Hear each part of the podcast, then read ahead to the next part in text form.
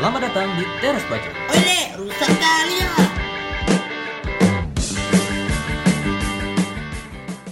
Oke, hari ini kita kedatangan tamu lagi ya dari kawan lama, kawan lama. Tamu kedua nih, Wak ya? Tamu kedua. Tamu kedua.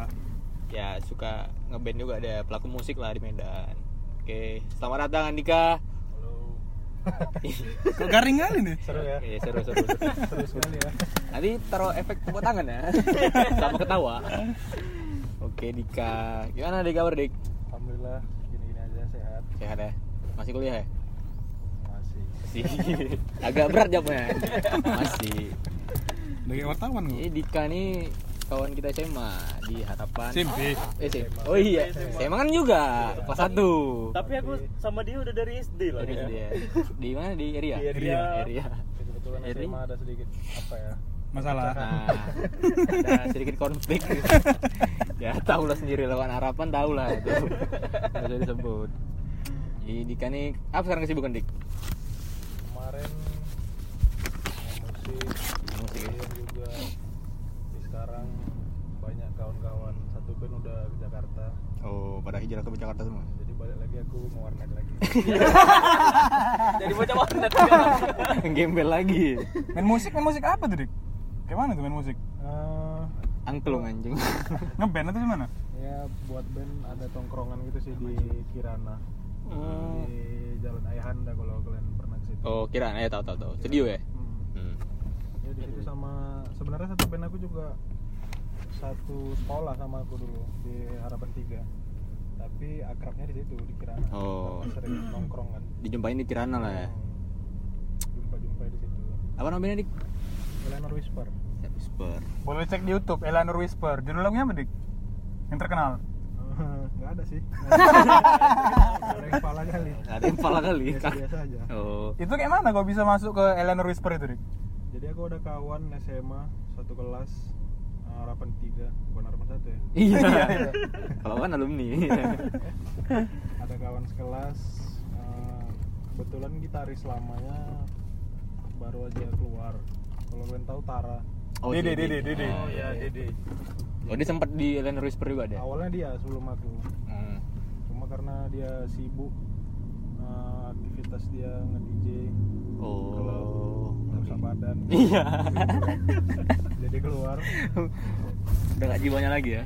lagi kosong ya udah kawan basisnya ini yang sekelas sama aku ngajak nongkrong kan di Kirana ya udah gabung-gabung rupanya orang-orang aku juga orang-orang harapan tiga juga kan yang, Oh. yang satu band sama aku tuh abang-abangannya ya udah terus masuklah ke band itu Awalnya editional dulu atau memang langsung direkrut lo? Awalnya ditanya dulu sih referensi-referensi lagu aku kayak mana Oh, di di inilah ya, di ospek lah ya. Ya, Interview, interview, seleranya interview. gimana Ah. isiannya gimana Langsung nggak ya? masuk apa enggak ke konsep band itu gitu-gitu sih Lebih ke apa genre? Eh, indie rock sih kalau banyak orang bilang tapi Iya. kontroversi juga banyak yang bilang indie ini bukan genre Ya, itu masalah ini lah ya, masalah perspektif aja tuh ya Ya. kan. Indie ya lebih jelasnya kan ini kan independen. Kan orang banyak belum tahu nih, Dik, band kau kan. Contoh indie rock dari luar itu kayak mana band? Band apa? dari luar Ya. dari luar ada Los Dinos Los Dinos. Hmm. Tahu tahu tahu. ada Peace maksudnya ini referensi untuk kami lah Iya, ya, iya. yang influence kalian lah ya. Ya, Iya. ada Peace ada Catfish the Battleman Hmm. ada juga sikit-sikit ngambil dari Hmm. vokalis dari Joy Division Oh, Joy Division. iya. Band jadul tuh, ya. Iya. Blur Blur.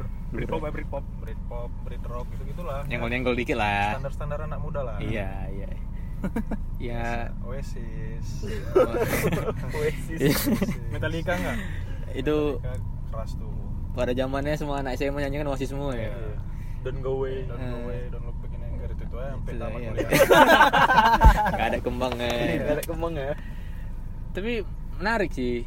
Maksudnya indie rock ya kan. Ini kan apa sih kalau dibilangnya Genre genre, baru. yang bukan baru. Jarang diminati. Ya. Kalau di Medan ini apalagi di Medan mungkin kan Jarang nggak- banyak bisa diterima sih. ya nggak di kurang terima pasar kali ya. Hmm. Kurang cocok di telinga lah. Nah, Tergantung selera sebenarnya. Iya. Musik ini kan selera. Iya, Pin. jadi alasan kau sama jadi memang kau eh, referensi lagu kau memang kau sukanya yang ke arah sana atau memang Sejujurnya karena enggak. Ah. Awalnya enggak sama sekali enggak. Enggak ada eh, enggak ada pikiran mau buat band indie rock gitu ya? ya cuma karena uh, mulai satu tongkrongan kan mulai ngobrol-ngobrol. Ngulik-ngulik lagunya juga ya. Lama-lama jadi Suka. jadi terpengaruh juga kan sama apa yang kita dalamin. Ya eh sih. Mulailah tahu tentang ini tentang itu band yang keren yang ini di Medan atau di luar. Gitu gitulah mulai, mulai bergaul juga sama yang satu ini ya satu genre. Bergaul, jadi lama-lama ya pelan-pelan tahu lah. Tapi nggak nggak banyak-banyak tahu juga lah. Ya kalau memang aja. selera pribadi kau lah. Apa kalau kau suka? Selera pribadi standar sih Oasis. Iya. Tetap tetap nggak buang. Standar standarnya di skrip ya standar anak muda lah Oh dulu kita pernah buat band Raisa aku juga suka Raisa. Raisa. Iya, serius serius Ya, Raisa iya, suka. iya. Isyana Isyana nggak? Isyana enggak Itu Raisa. lebih suka ke lagunya atau, ke orangnya? orangnya? lagunya suka orangnya biasa aja. Oh. ya, enak aja sih menurut aku. Lebih ke all genre aku orangnya. Oh. Jadi terlalu easy easy listening ya, ya nggak terlalu idealis. Berarti apa men- yang menurut telingamu itu enak, Enak. untuk didengar, Iya. kau dengar ya? nggak terlalu kayak orang-orang aku suka ini jadi berpacu Iya, Iya, didewakan iya. terus genrenya Iya, kan. Aku aja. sering lihat tuh kayak gitu. Ada orang kan kalau dia berhak apa? Kayak mele apa namanya? Me- menyembah satu itu ya hmm. satu Mendewakan. genre gitu mendewakan ya terus menganggap sebelah mata gitu kan genre Banyak lain. kadang orang kalau udah suka sama suatu eh, Yang lain tuh dianggap dia- salah ya, yang kan? lain dianggap salah itu sih aku kurang suka Iya, itu tuh, tuh.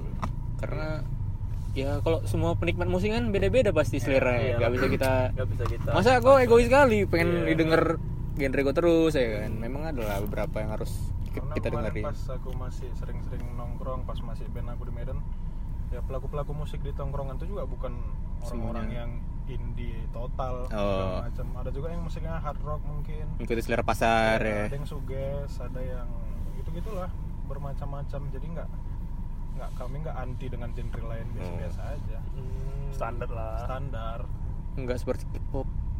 Hah? Nggak seperti K-pop. oh, oh iya Ya, kalau Oh, K-pop kan dia nggak suka yang lain kan. Hmm, dia iya. suka K-pop ya. monoton doang ya Kalau kau lihat nih perkembangannya lah.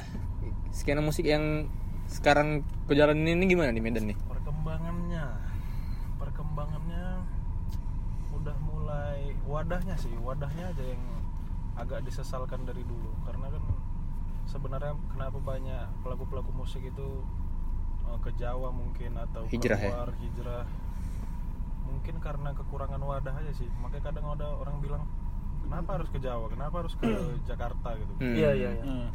kenapa sih kenapa di kenapa nggak mau besar di Medan sebenarnya siapa yang nggak mau kita kan Ya kepengen-pengen aja ya kan. ya asalnya kan dari Medan juga siapa yang nggak mau ngebesarin Medan Iya, cuma betul.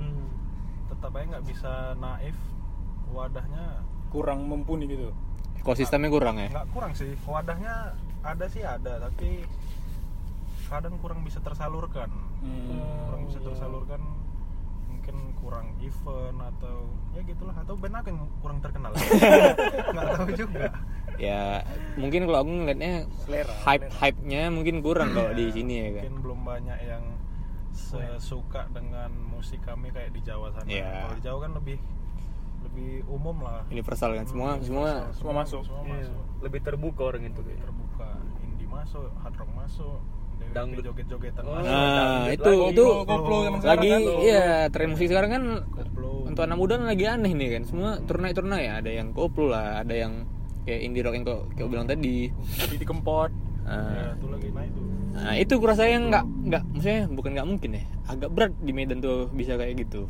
Kita selalu jadi kiblat. Eh, misalnya kita tuh selalu ngeliat kiblatnya tuh, iya. ngikut. Kita nggak bisa jadi Buat satu sendiri. satu trendsetter. Kita selalu mengkiblatkan itu ke arah sana kan Ya, pasti. kan? berarti kan balik lagi ke orang-orangnya kan. Orang-orangnya harus lebih ke ya universal lah nerimanya kan harus bisa lebih open minded Hmm, berarti lebih kan. Hmm. terus menghargai sesama ya kan. harus lebih nge-explore gitu-gitu sih jangan jangan ngekucilin sesuatu musik yang nggak banyak orang tahu Iya betul Gitu-gitu betul lah. betul. Itu setuju kali aku tuh. Berarti kalau yang kau lihat nih memang ada satu gap-gap gitu di setiap genre musik di Medan ini gitu. gap sih pas ya gap bukan gap sih sebenarnya ya Kayak misalnya komunitas ini memang ini aja nggak mau nggak lah kalau komunitas-komunitas di Medan aku lihat kok rata-rata pada enak-enak kok orangnya pada solid-solid masuk-masuk aja ya. dan dengan komunitas lain dia juga nggak ada nggak ada nggak ada terlalu dipermasalahkan malah Hmm. kadang kami satu panggung malah atau satu tongkrongan gitu gitulah Walaupun beda selera musik ya. walaupun beda selera musik nggak ada yang terlalu anti sosial lah orangnya Oh, ah. enak-enak aja cuma ya tetap aja kami kan butuh wadah untuk Hmm. menyalurkannya itu aja sih masalahnya event lah lebih ke lebih ke event lah berarti eventnya kurang kurang banyak iya sih memang palingan kami ngarepin ya porseni ah acara-acara kampus ya kan? Pensi, pensi yang kayak gitu. Acara rokok. Kenapa nggak eh, lebih aktif nge buat buat kick sendiri gitu Iya. ya? Dulu sih sempat cuma ya gitulah karena mungkin keterbatasan waktu kan masing-masing punya aktivitas. Terakhir mulai berkurang lagi eventnya. Oh, yang kemarin kalian buat di apa tuh? Di Kirana Iya, Kirana. itu semua genre atau memang khusus? All genre, semua, genre kami, semua? semua kami mainin. Ada band ini, band itu ya masuk-masuk aja karena kan kami memang nggak ada anti kan Iya, terhadap itu genre lain. Karena kan memang pelaku musiknya harus dihargai. ya berarti memang eh, cara penghargaan orang di Medan ini lah ke Masih kurang. musik itu belum sebesar yang di Jawa ya kan Bukan kurang tapi tepatnya em, mungkin banyak yang belum belum apa ya, belum aware mungkin ya. lebih ke selera lah ya, Ya lebih ke selera berarti. Ya, Dik kemarin itu kulihat kau ini ya touring bandnya touring Apa nih, motor? kayak kayak ini. Apa namanya? Tur. Kayak ini Touring. Touring kira dia Kayak komunitas terabas tour itu kayak mana dik bisa jadi tour band kalian Eh, kemarin memang kami ada tahun lalu Agustus tuh kan. 2019 Iya, mulai turnya 2000 18 2018 apa 19 ya? Ini 2020. Ini 18 kayak dik Oh 2018. Dua tahun yang lalu berarti ya? Anjing, 2020 rupiah udah. 2018 turnya bulan Agustus. Ah. Rencananya udah lama sebenarnya. Cuma baru terrealisasikan bulan Agustus 2018 itu karena ya ada keterbatasan waktu, dana dan lain-lain. Ah, biasalah. Ya udah terus ada kawan juga mulai bantu nyari-nyariin event kan di Panggung, Jawa. nyariin panggung lah ya. nyariin panggung kebetulan dapat Hmm. ya udah terus kami tur tuh dari awalnya titik pertama dari Bali Dari Bali ya? dari Keren, Bali pertama Wah, dari Bali anjing. karena dari yang paling jauh dulu kan Anjing, dari anjing, Bali. anjing, anjing. terus kami nyebrang ke Jawa baru ke Semarang Jogja terus ke Jakarta juga Hmm. terus ke mana lagi ya lupa Jakarta enggak Penutupannya di mana? Jakarta penutupan Jakarta titik terakhir di Jakarta ada dua event baru ba- kami balik ke Medan itu gigs gigs tertutup gitu atau terbuka gitu gigs lah gigs yang diadain kawan-kawan juga kan Hmm. Kolektif lah ya. kolektif di sana ada kawan-kawan ya dibantu sama kawan-kawan yang orang Kirana juga Hmm. buat buatin panggung di sana itulah Berarti yang tur ini satu band kau aja atau memang kayak rame-rame kalian buat kayak kompilasi band yang ikut tur atau Kebetulan gimana? yang aku tur itu satu band Satu band aja. tahun lalu sebelumnya pun ada juga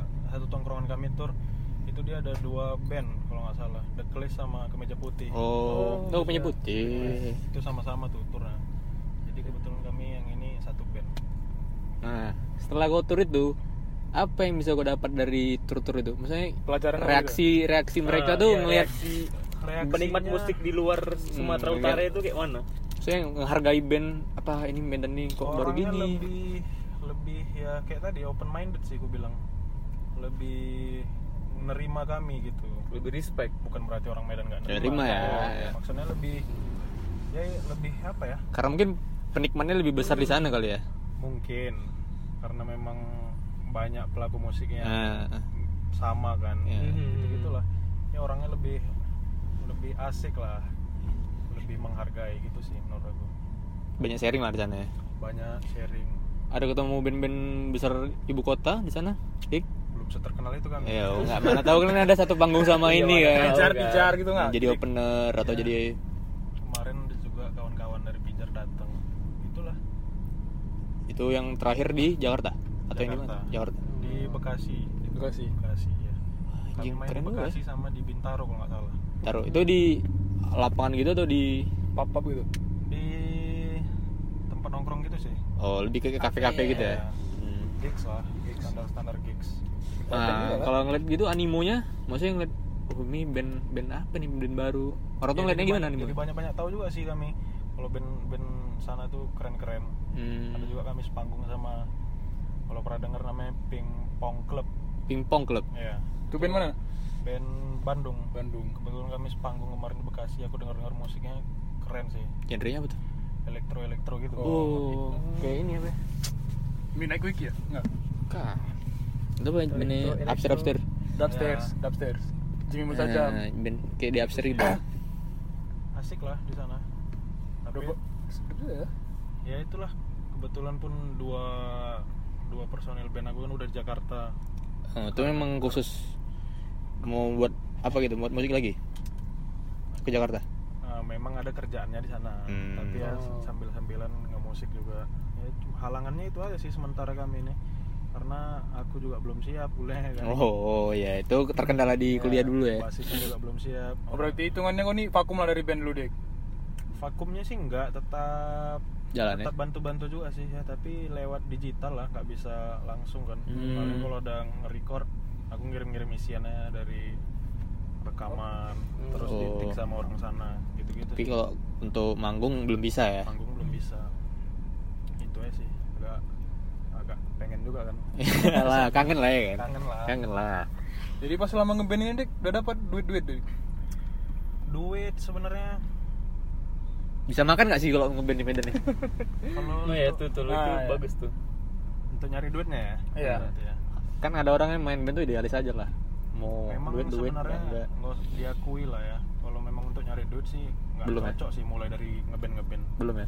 Nggak ya memang bukan itulah tujuannya karena yang memang mau ngeband ya nuangin Hobi, Hobi aja. aja. ya. nuangin hobi inspirasi tujuan utama sih itu kalau memang nyari duit belum lah Jadi PNS lah. jadi PNS lah. mungkin kecuali kalau kita udah udah ini ya kali ya ada hijrah ke sana kali ya, ke Jawa ya kan ya mungkin tetap harus disambilin sama kerja lah yang pasti Hmm. jangan band band itu jangan jadi pencaharian Iyalah. inti lah ya bukan fokus utama yang pasti Hmm. bukan uang lah jangan nekat kali ya kan Iya, nanti berat lah kalau untuk fokusnya ke uang masih belum lah kayaknya kecuali dia mau gembel ya kan Iya. kalau dia masih mau makannya Indomie terus nggak apa-apa Ini Cuman- masih ya masih merintis dari awal-awal namanya kan juga ya sama-sama kawan fokusnya pasti nggak uang lah lebih ke Hobi kreativitas aja, hobi lah. Hobi saluran kreativitas iya. aja ya hobi Lebih ke senang-senang. inspirasi Hmm. nuangin gitu lah. Jadi kok di Eleanor Whisper nih udah ngeluarin album atau gimana dik? Atau single? Kami ada satu EP ada satu album EP. juga terus mau buat satu EP lagi. Rencana?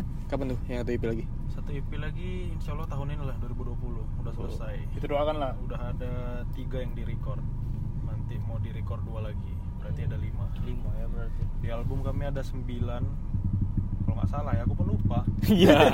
Saking kan udah lamanya vakum ini ya. saking udah warnet aja kerjaan. Yang EP pertama judul apa tuh? Ini ya? Yang EP pertama bipolar disorder. Bipolar disorder. Total berapa lagu? Penyakit penyakit mental. Penyakit Ah. mental. berat ya berat ya? orang gila gitu. Lah. orang gila. Bodinya itu nggak terkontrol ya. yang maniak maniak gitu. Baital kali tuh. Kayak siapa tuh bi? Kayak siapa ya? nah terus terus dek berapa lagu tuh dik pertama ada empat lagu terus yang album aku ada namanya What's Past is Prologue Hmm. itu kalau nggak salah ada 8 atau 9 lagu aku nggak tahu pasti ya lupa juga kan. Tapi yang pasti dua lagu diambil dari EP pertama yang album itu. Oh.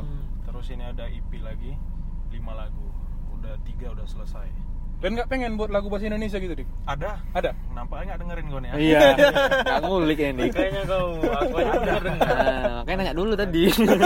Lagu Indonesia udah ada tinggal yang suka aja belum banyak nih dik kalau buat lagu ba- lagu ini ya kan bahasanya bahasa Inggris Hmm. itu kesusahannya kayak mana dik kalau kata vokalis aku lebih susah bahasa Inggris sih karena dia eh lebih susah bahasa Indonesia buat lagunya Iya, karena salah-salah kan bisa fatal kan ya Oh. maksudnya ejaan-ejaannya Kalau bahasa kayak Inggris sejelek-jeleknya bahasa Inggris kan tetap keren kan Iya.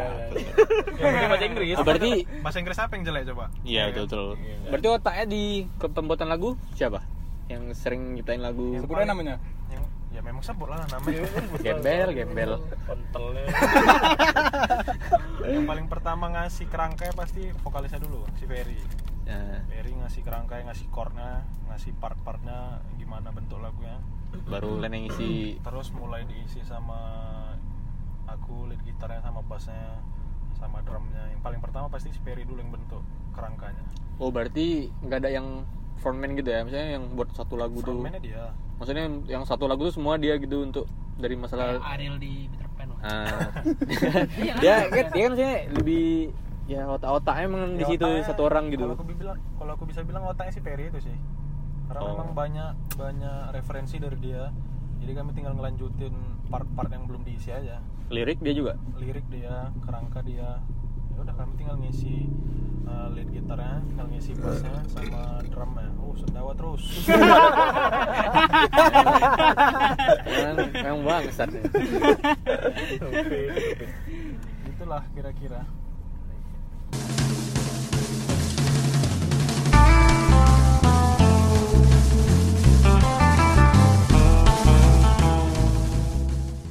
Kayaknya kita capek-capek buat podcast gini, apa ada duitnya nih?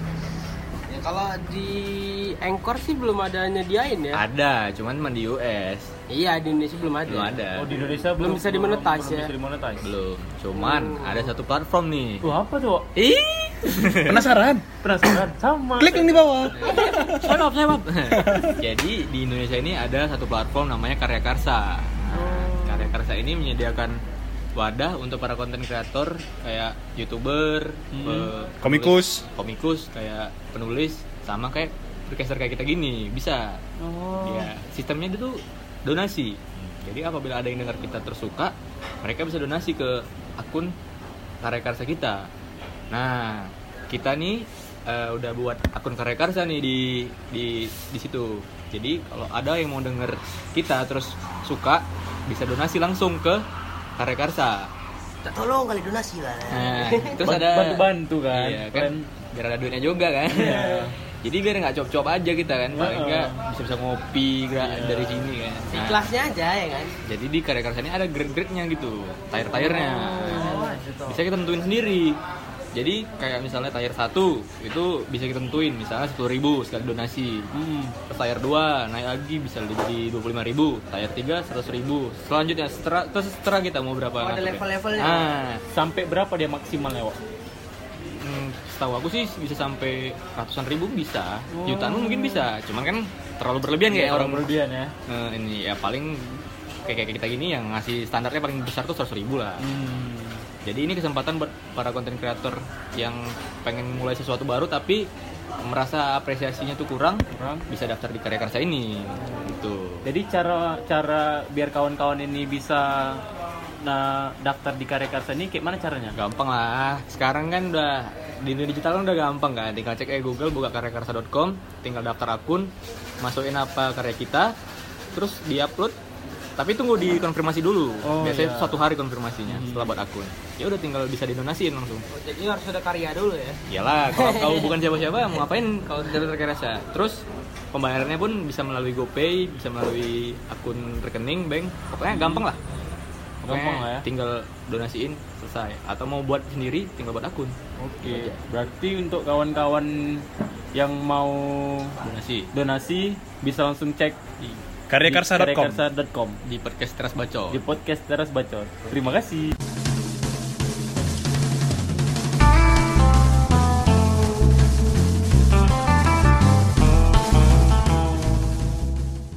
Boleh juga tuh memang Eleanor Whisper nih. Cuman lagi belum ada kena, belum masih masih banyak kendala.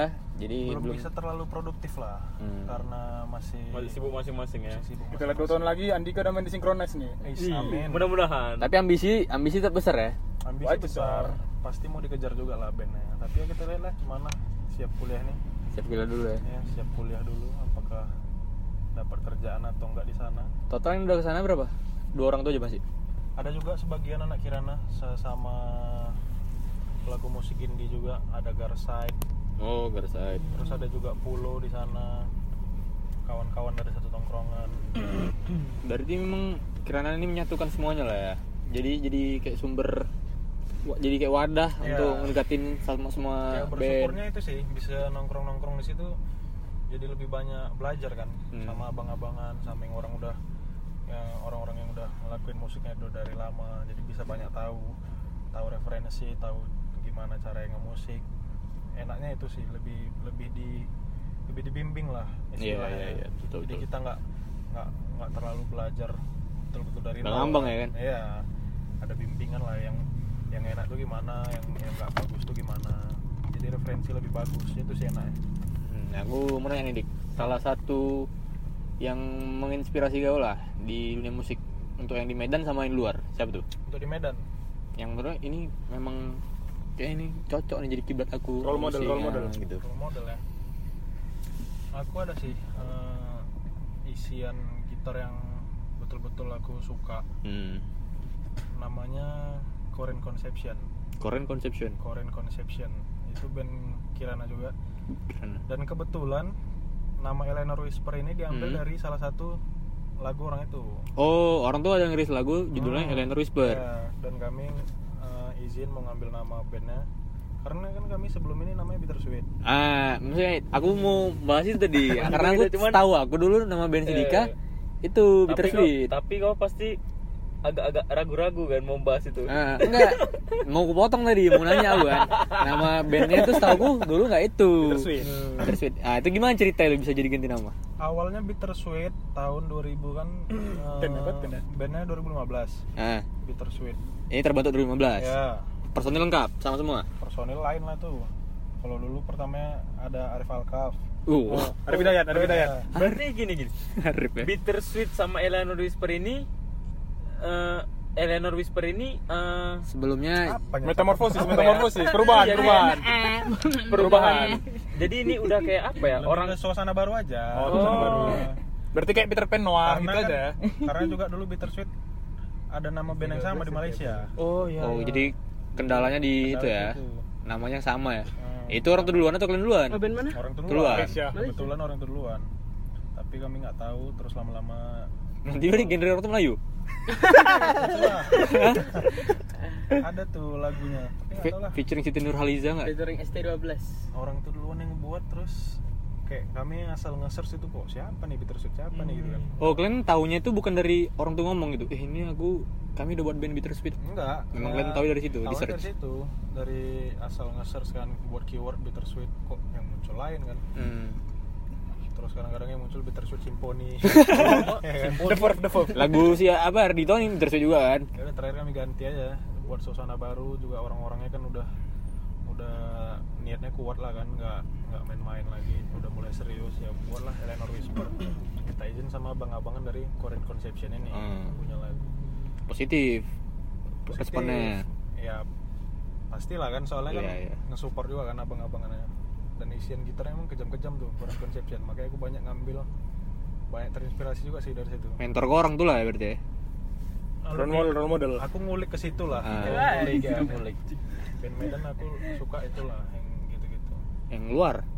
kalau yang luar Mau luar kota, mau luar Jakarta, luar negeri. Terserah luar apa pokoknya. referensi Selain kami Medan. pas aku baru masuk ke band ini referensinya tuh ada Catfish and the Battleman itu keren sih itu bandnya Hmm. Eh, punya ilmu nge-explore yang Dalam ya. dalam personil-personilnya gitarisnya vokalisnya jadi aku banyak banyak tahu tentang sound ya dari situlah nengok-nengok di YouTube kan Oh ya ya. gimana referensi Lebih soundnya enak nguliknya mereka lah gitu ya, ya, bandnya. tahu-tahu soundnya dari situlah Kalau misalnya be- band kalian ini lah, Hmm. satu yang satu genre sama kalian itu siapa siapa aja di Medan? yang satu genre Hmm. Yang banyak ya sebenarnya banyak juga. ada Garside Garside. Yang Garside pernah di ini ya? Di WTF ya? Garside tuh kalau tahu orang-orang Bang JJ Mau J? Iya, aku tahu tahu. Aku tahu. Javier Warganda Iya, Javier. dan drummer Garside tuh sama drummer aku juga Oh, Oh, si satu band. iya Aduh, siapa namanya? Arif Oh iya, si Arif. drummer Garside drummer kami juga dan sekarang orang itu dari Jakarta juga karena kerja gitarisnya sama kayak aku ditinggal juga di Medan oh, satu ini kalian ya, satu nasib ya. Ya, orang apa sih tadi nggak? Apis. ya Apis Oh, sama Apis. gitaris sama basisnya kena tinggal juga sama Ya, dulu. Pis. Gitu, Pis. Gitarisnya kan kita sekolah juga tuh. Iya. Ya, Apis. Satu harapan. Apisnya gitaris di situ. enggak gitarisnya Bang Apip si Apis basisnya Basis ya. Oh. Yang orang tuh sempat main di WTF bukan? Di Opening, uh, opening. ya. WTF main di WTF sekarang udah kuliah aktif juga lah di Jakarta mulai-mulai dapat udah aktif event itu itu lah Iya, apa emang harus pindah ke ibu kota dulu baru bisa besar? Soalnya kayak Pijar lah kan, Pijar kan band Medan kan. Pijar band Medan Iya. Dia kan hijrahnya ke Jakarta Iya. dulu kan. Jadi itu sih balik lagi ke oh sistem ya, iya sebenarnya lingkungan. Hmm, jadi lebih banyak wadah terus orang lebih aware lebih open minded gitu gitu sih mungkin kan kadang orang di Medan banyak yang uh, agak acuh ya Hmm. masa bodoh aja gitu sama musik-musik baru Iya, ya iya. bukan disupport biasa aja kan Dan lah dan bukan ini dik, bukan cuma di musik dik, saat tahu gue ya. Hmm. Ya kayak semua Industri pelaku seni kreatif. lain nah Iya. industri kreatif pasti gitu karena kita nggak nggak banyak menghargai daripada Seperti podcast inilah. Pengen kali gak dihargai. Tapi itu yang buat yang buat aku bertanya-tanya lah, kenapa ya kok kalau ada musik baru yang yang orang itu dapetin pasti kalau nggak kritik ya langsung ah iya. ada sih kayak modelnya. Iya. alah niru-niru ini Maunya- alah niru-niru ini ya ada kritik membangun lah Iya, mudah-mudahan karena memang nggak ada yang baru semua di dunia ini. Pas di Medan ini gue lihat dihujat semua kontol kalian untuk apa ini sok keren benalai kok. apa awalai Nah, pasti gitu. Akon. Nanti kan misalnya ada no, apa manggung di pensi kan, Ah. yang nonton 10 orang. iya Wah, ya. nggak usah jauh-jauh lah. Kawan kita rilis lagu aja kita jarang denger, Wak. Hmm. Ya kan? ya tapi aku enggak aku Lah, dengar aku denger kok. aku dengar Kau aja itu pin. Apa Ada satu lagi sana. oh enggak tahu Tahu. ya Aku eh, denger. kemarin aku lihat di YouTube, Dik. aku malah aku denger kok. Itu video klip kalian bisa di Jepang kayak mana, tuh, Dik? oh itu kebetulan aja tuh vokalisnya lagi studi tour ke Jepang. Hmm. kami nggak ada yang ikut ya cuma dia ngetik ngetik uh, Videonya? MV-nya di sana lah Oh. jadi dia ngetik-ngetik suasana sana dijadiin Jadi video klip. Iya. Video lirik atau video klip video lirik Video lirik. Hmm, video Lagu yang mana tuh? lost Los Lost. Cari aja di YouTube Lost. Nggak peduli. Eleanor Whisper. Los Nggak peduli. Lost. Ya Leonard Whisper. ada juga tuh video klip yang lain kami buat ada sekitar empat lah kalau nggak salah Ada di Spotify kan? Spotify ada Videonya nggak ada lah anjing. Enggak, Di lagu-lagunya, YouTube lagu-lagunya. video klipnya di YouTube, ada juga di SoundCloud For share ada? ada di iTunes Tapa band, tapa band. Pak. Staff apa? Band. Web trick nggak web trick? Web trick anjing. Temen bokep anjing. webtrick dulu tuh Temen bokep. Bokep webtrick yang gambar bug itu kan anjing Download game juga, download game. Si Dika nih emang kau suka musik dari kapan, Dik? Dari SMP lah. SMP ya? Yang kita buat band? SMP lah. Perpisahan. Ya. Yang bawa vokalisnya. Iya, iyalah. Kelas satu kan main-main musik sama gitu. Iya. Ya gitu-gitulah, tapi belum ada yang terlalu serius sampai sekarang. Nah, karena aku terkejutnya ngeliat kau, gue pikir kau dulu cuman sekedar hobi yang memang ya cuman cuman main Karena tempat gitar. untuk nyalurin ya. Ah, itu gue pikir pas kan. Biasa buat band dah bentar aja angin-anginan. Mainnya pun di ini ya kan di acara graduation sekolah. Tapi banyak banyak penikmatnya kemarin itu. Nggak ada bus bullshit. ya, orang tua orang tua siswanya. Iya. itu pun gue geleng-geleng kepala, mau Iya. balik aja nih mana anak gue teh. Kalau kita buat band lagi, Dik, enggak? aku enggak lah enggak mau lagi aku Angin-anginan itu dia yang, yang malesnya. Kebetulan jumpa orang kawan-kawan seband aku orangnya pada serius-serius ya. Serius Konsisten ya, konsisten ya. main-main ya gitu jadi Iya. kalau memang kalau memang mau buat ya Jangan setengah-setengah. Iya, jangan setengah-setengah. Jadi diajak latihan, alah sibuk ini ya kan. dan otaknya si PR ini juga orangnya kan memang kebetulan banyak inspirasi jadi kami terbantunya itulah banyak banyak dapat refer- referensi dari dia tahu ngedit ngedit ini segala macam Kan soalnya kan serba DIY lah kan Iya, iya, Kalau- do it yourself ya. kalau musik musik ini mana mungkin kita langsung ngarepin bantuin Label. label Enggak Iya, iya, betul. Siapa kau kata dia kan? siapa aku Hmm. siapa kita Andika Rahab Siapa tahu kan tahu.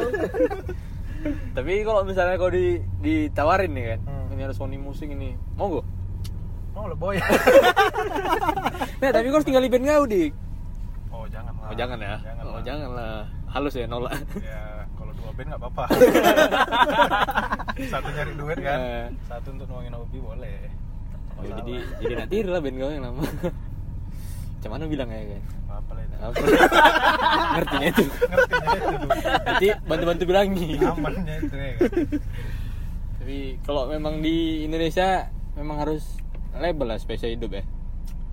Karena kan sebenarnya enggak sih kalau memang kita karyanya banyak disukain orang nggak perlu nggak terlalu perlu sih tapi yang paling utama kan gunanya label manajemen dan lain-lain kan dia bisa nge nge-manage cuman Iya.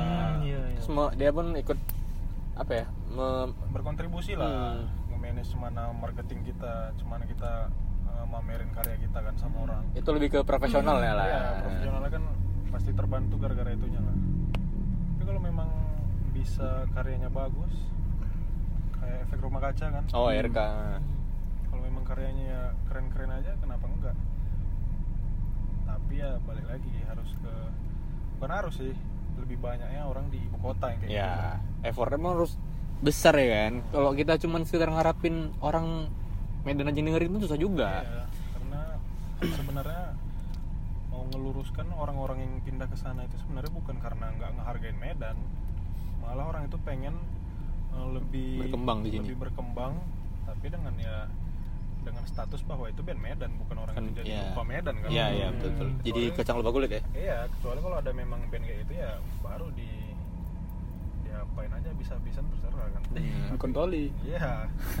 Tapi kalau memang masih dia ngebanggain Medan, dia pun bilang kalau dia dari Medan ya wajar-wajar aja lah. Kan ada- membawa nama nggak ada Medan salahnya ya. orang berkembang. Iya, betul. Cara orang berkembang kan beda-beda.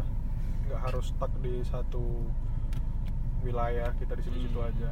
Mungkin rezeki orang di sana kan. Iya, betul betul Jadi kadang aku keselnya itu sama orang-orang kenapa harus kenapa harus ke Jakarta. oh ada yang ngomong gitu ya Bahkan yang kami ke Jakarta pun Ah. ada yang ngomong kayak gitu. Hmm. kenapa harus terus keluar gitu ya Kenapa sih harus keluar katanya? Wih, Dia orang Jakarta. Orang Jakarta yang Ah. bilang, kenapa sih harus keluar? Hmm. Kenapa nggak di Medan aja katanya? Nggak percaya diri di Medan. Iya. Kadang aku keselnya itu karena Oh. dia dia belum tahu kondisinya. Ah. gimana. Di Medan yang mana ya? Nah, tapi dia udah ngomong udah ngejudge gitu. ngomong kalau misalnya di Medan tuh nggak kenapa nggak di Medan aja Iya, gitu Itu sih beratnya.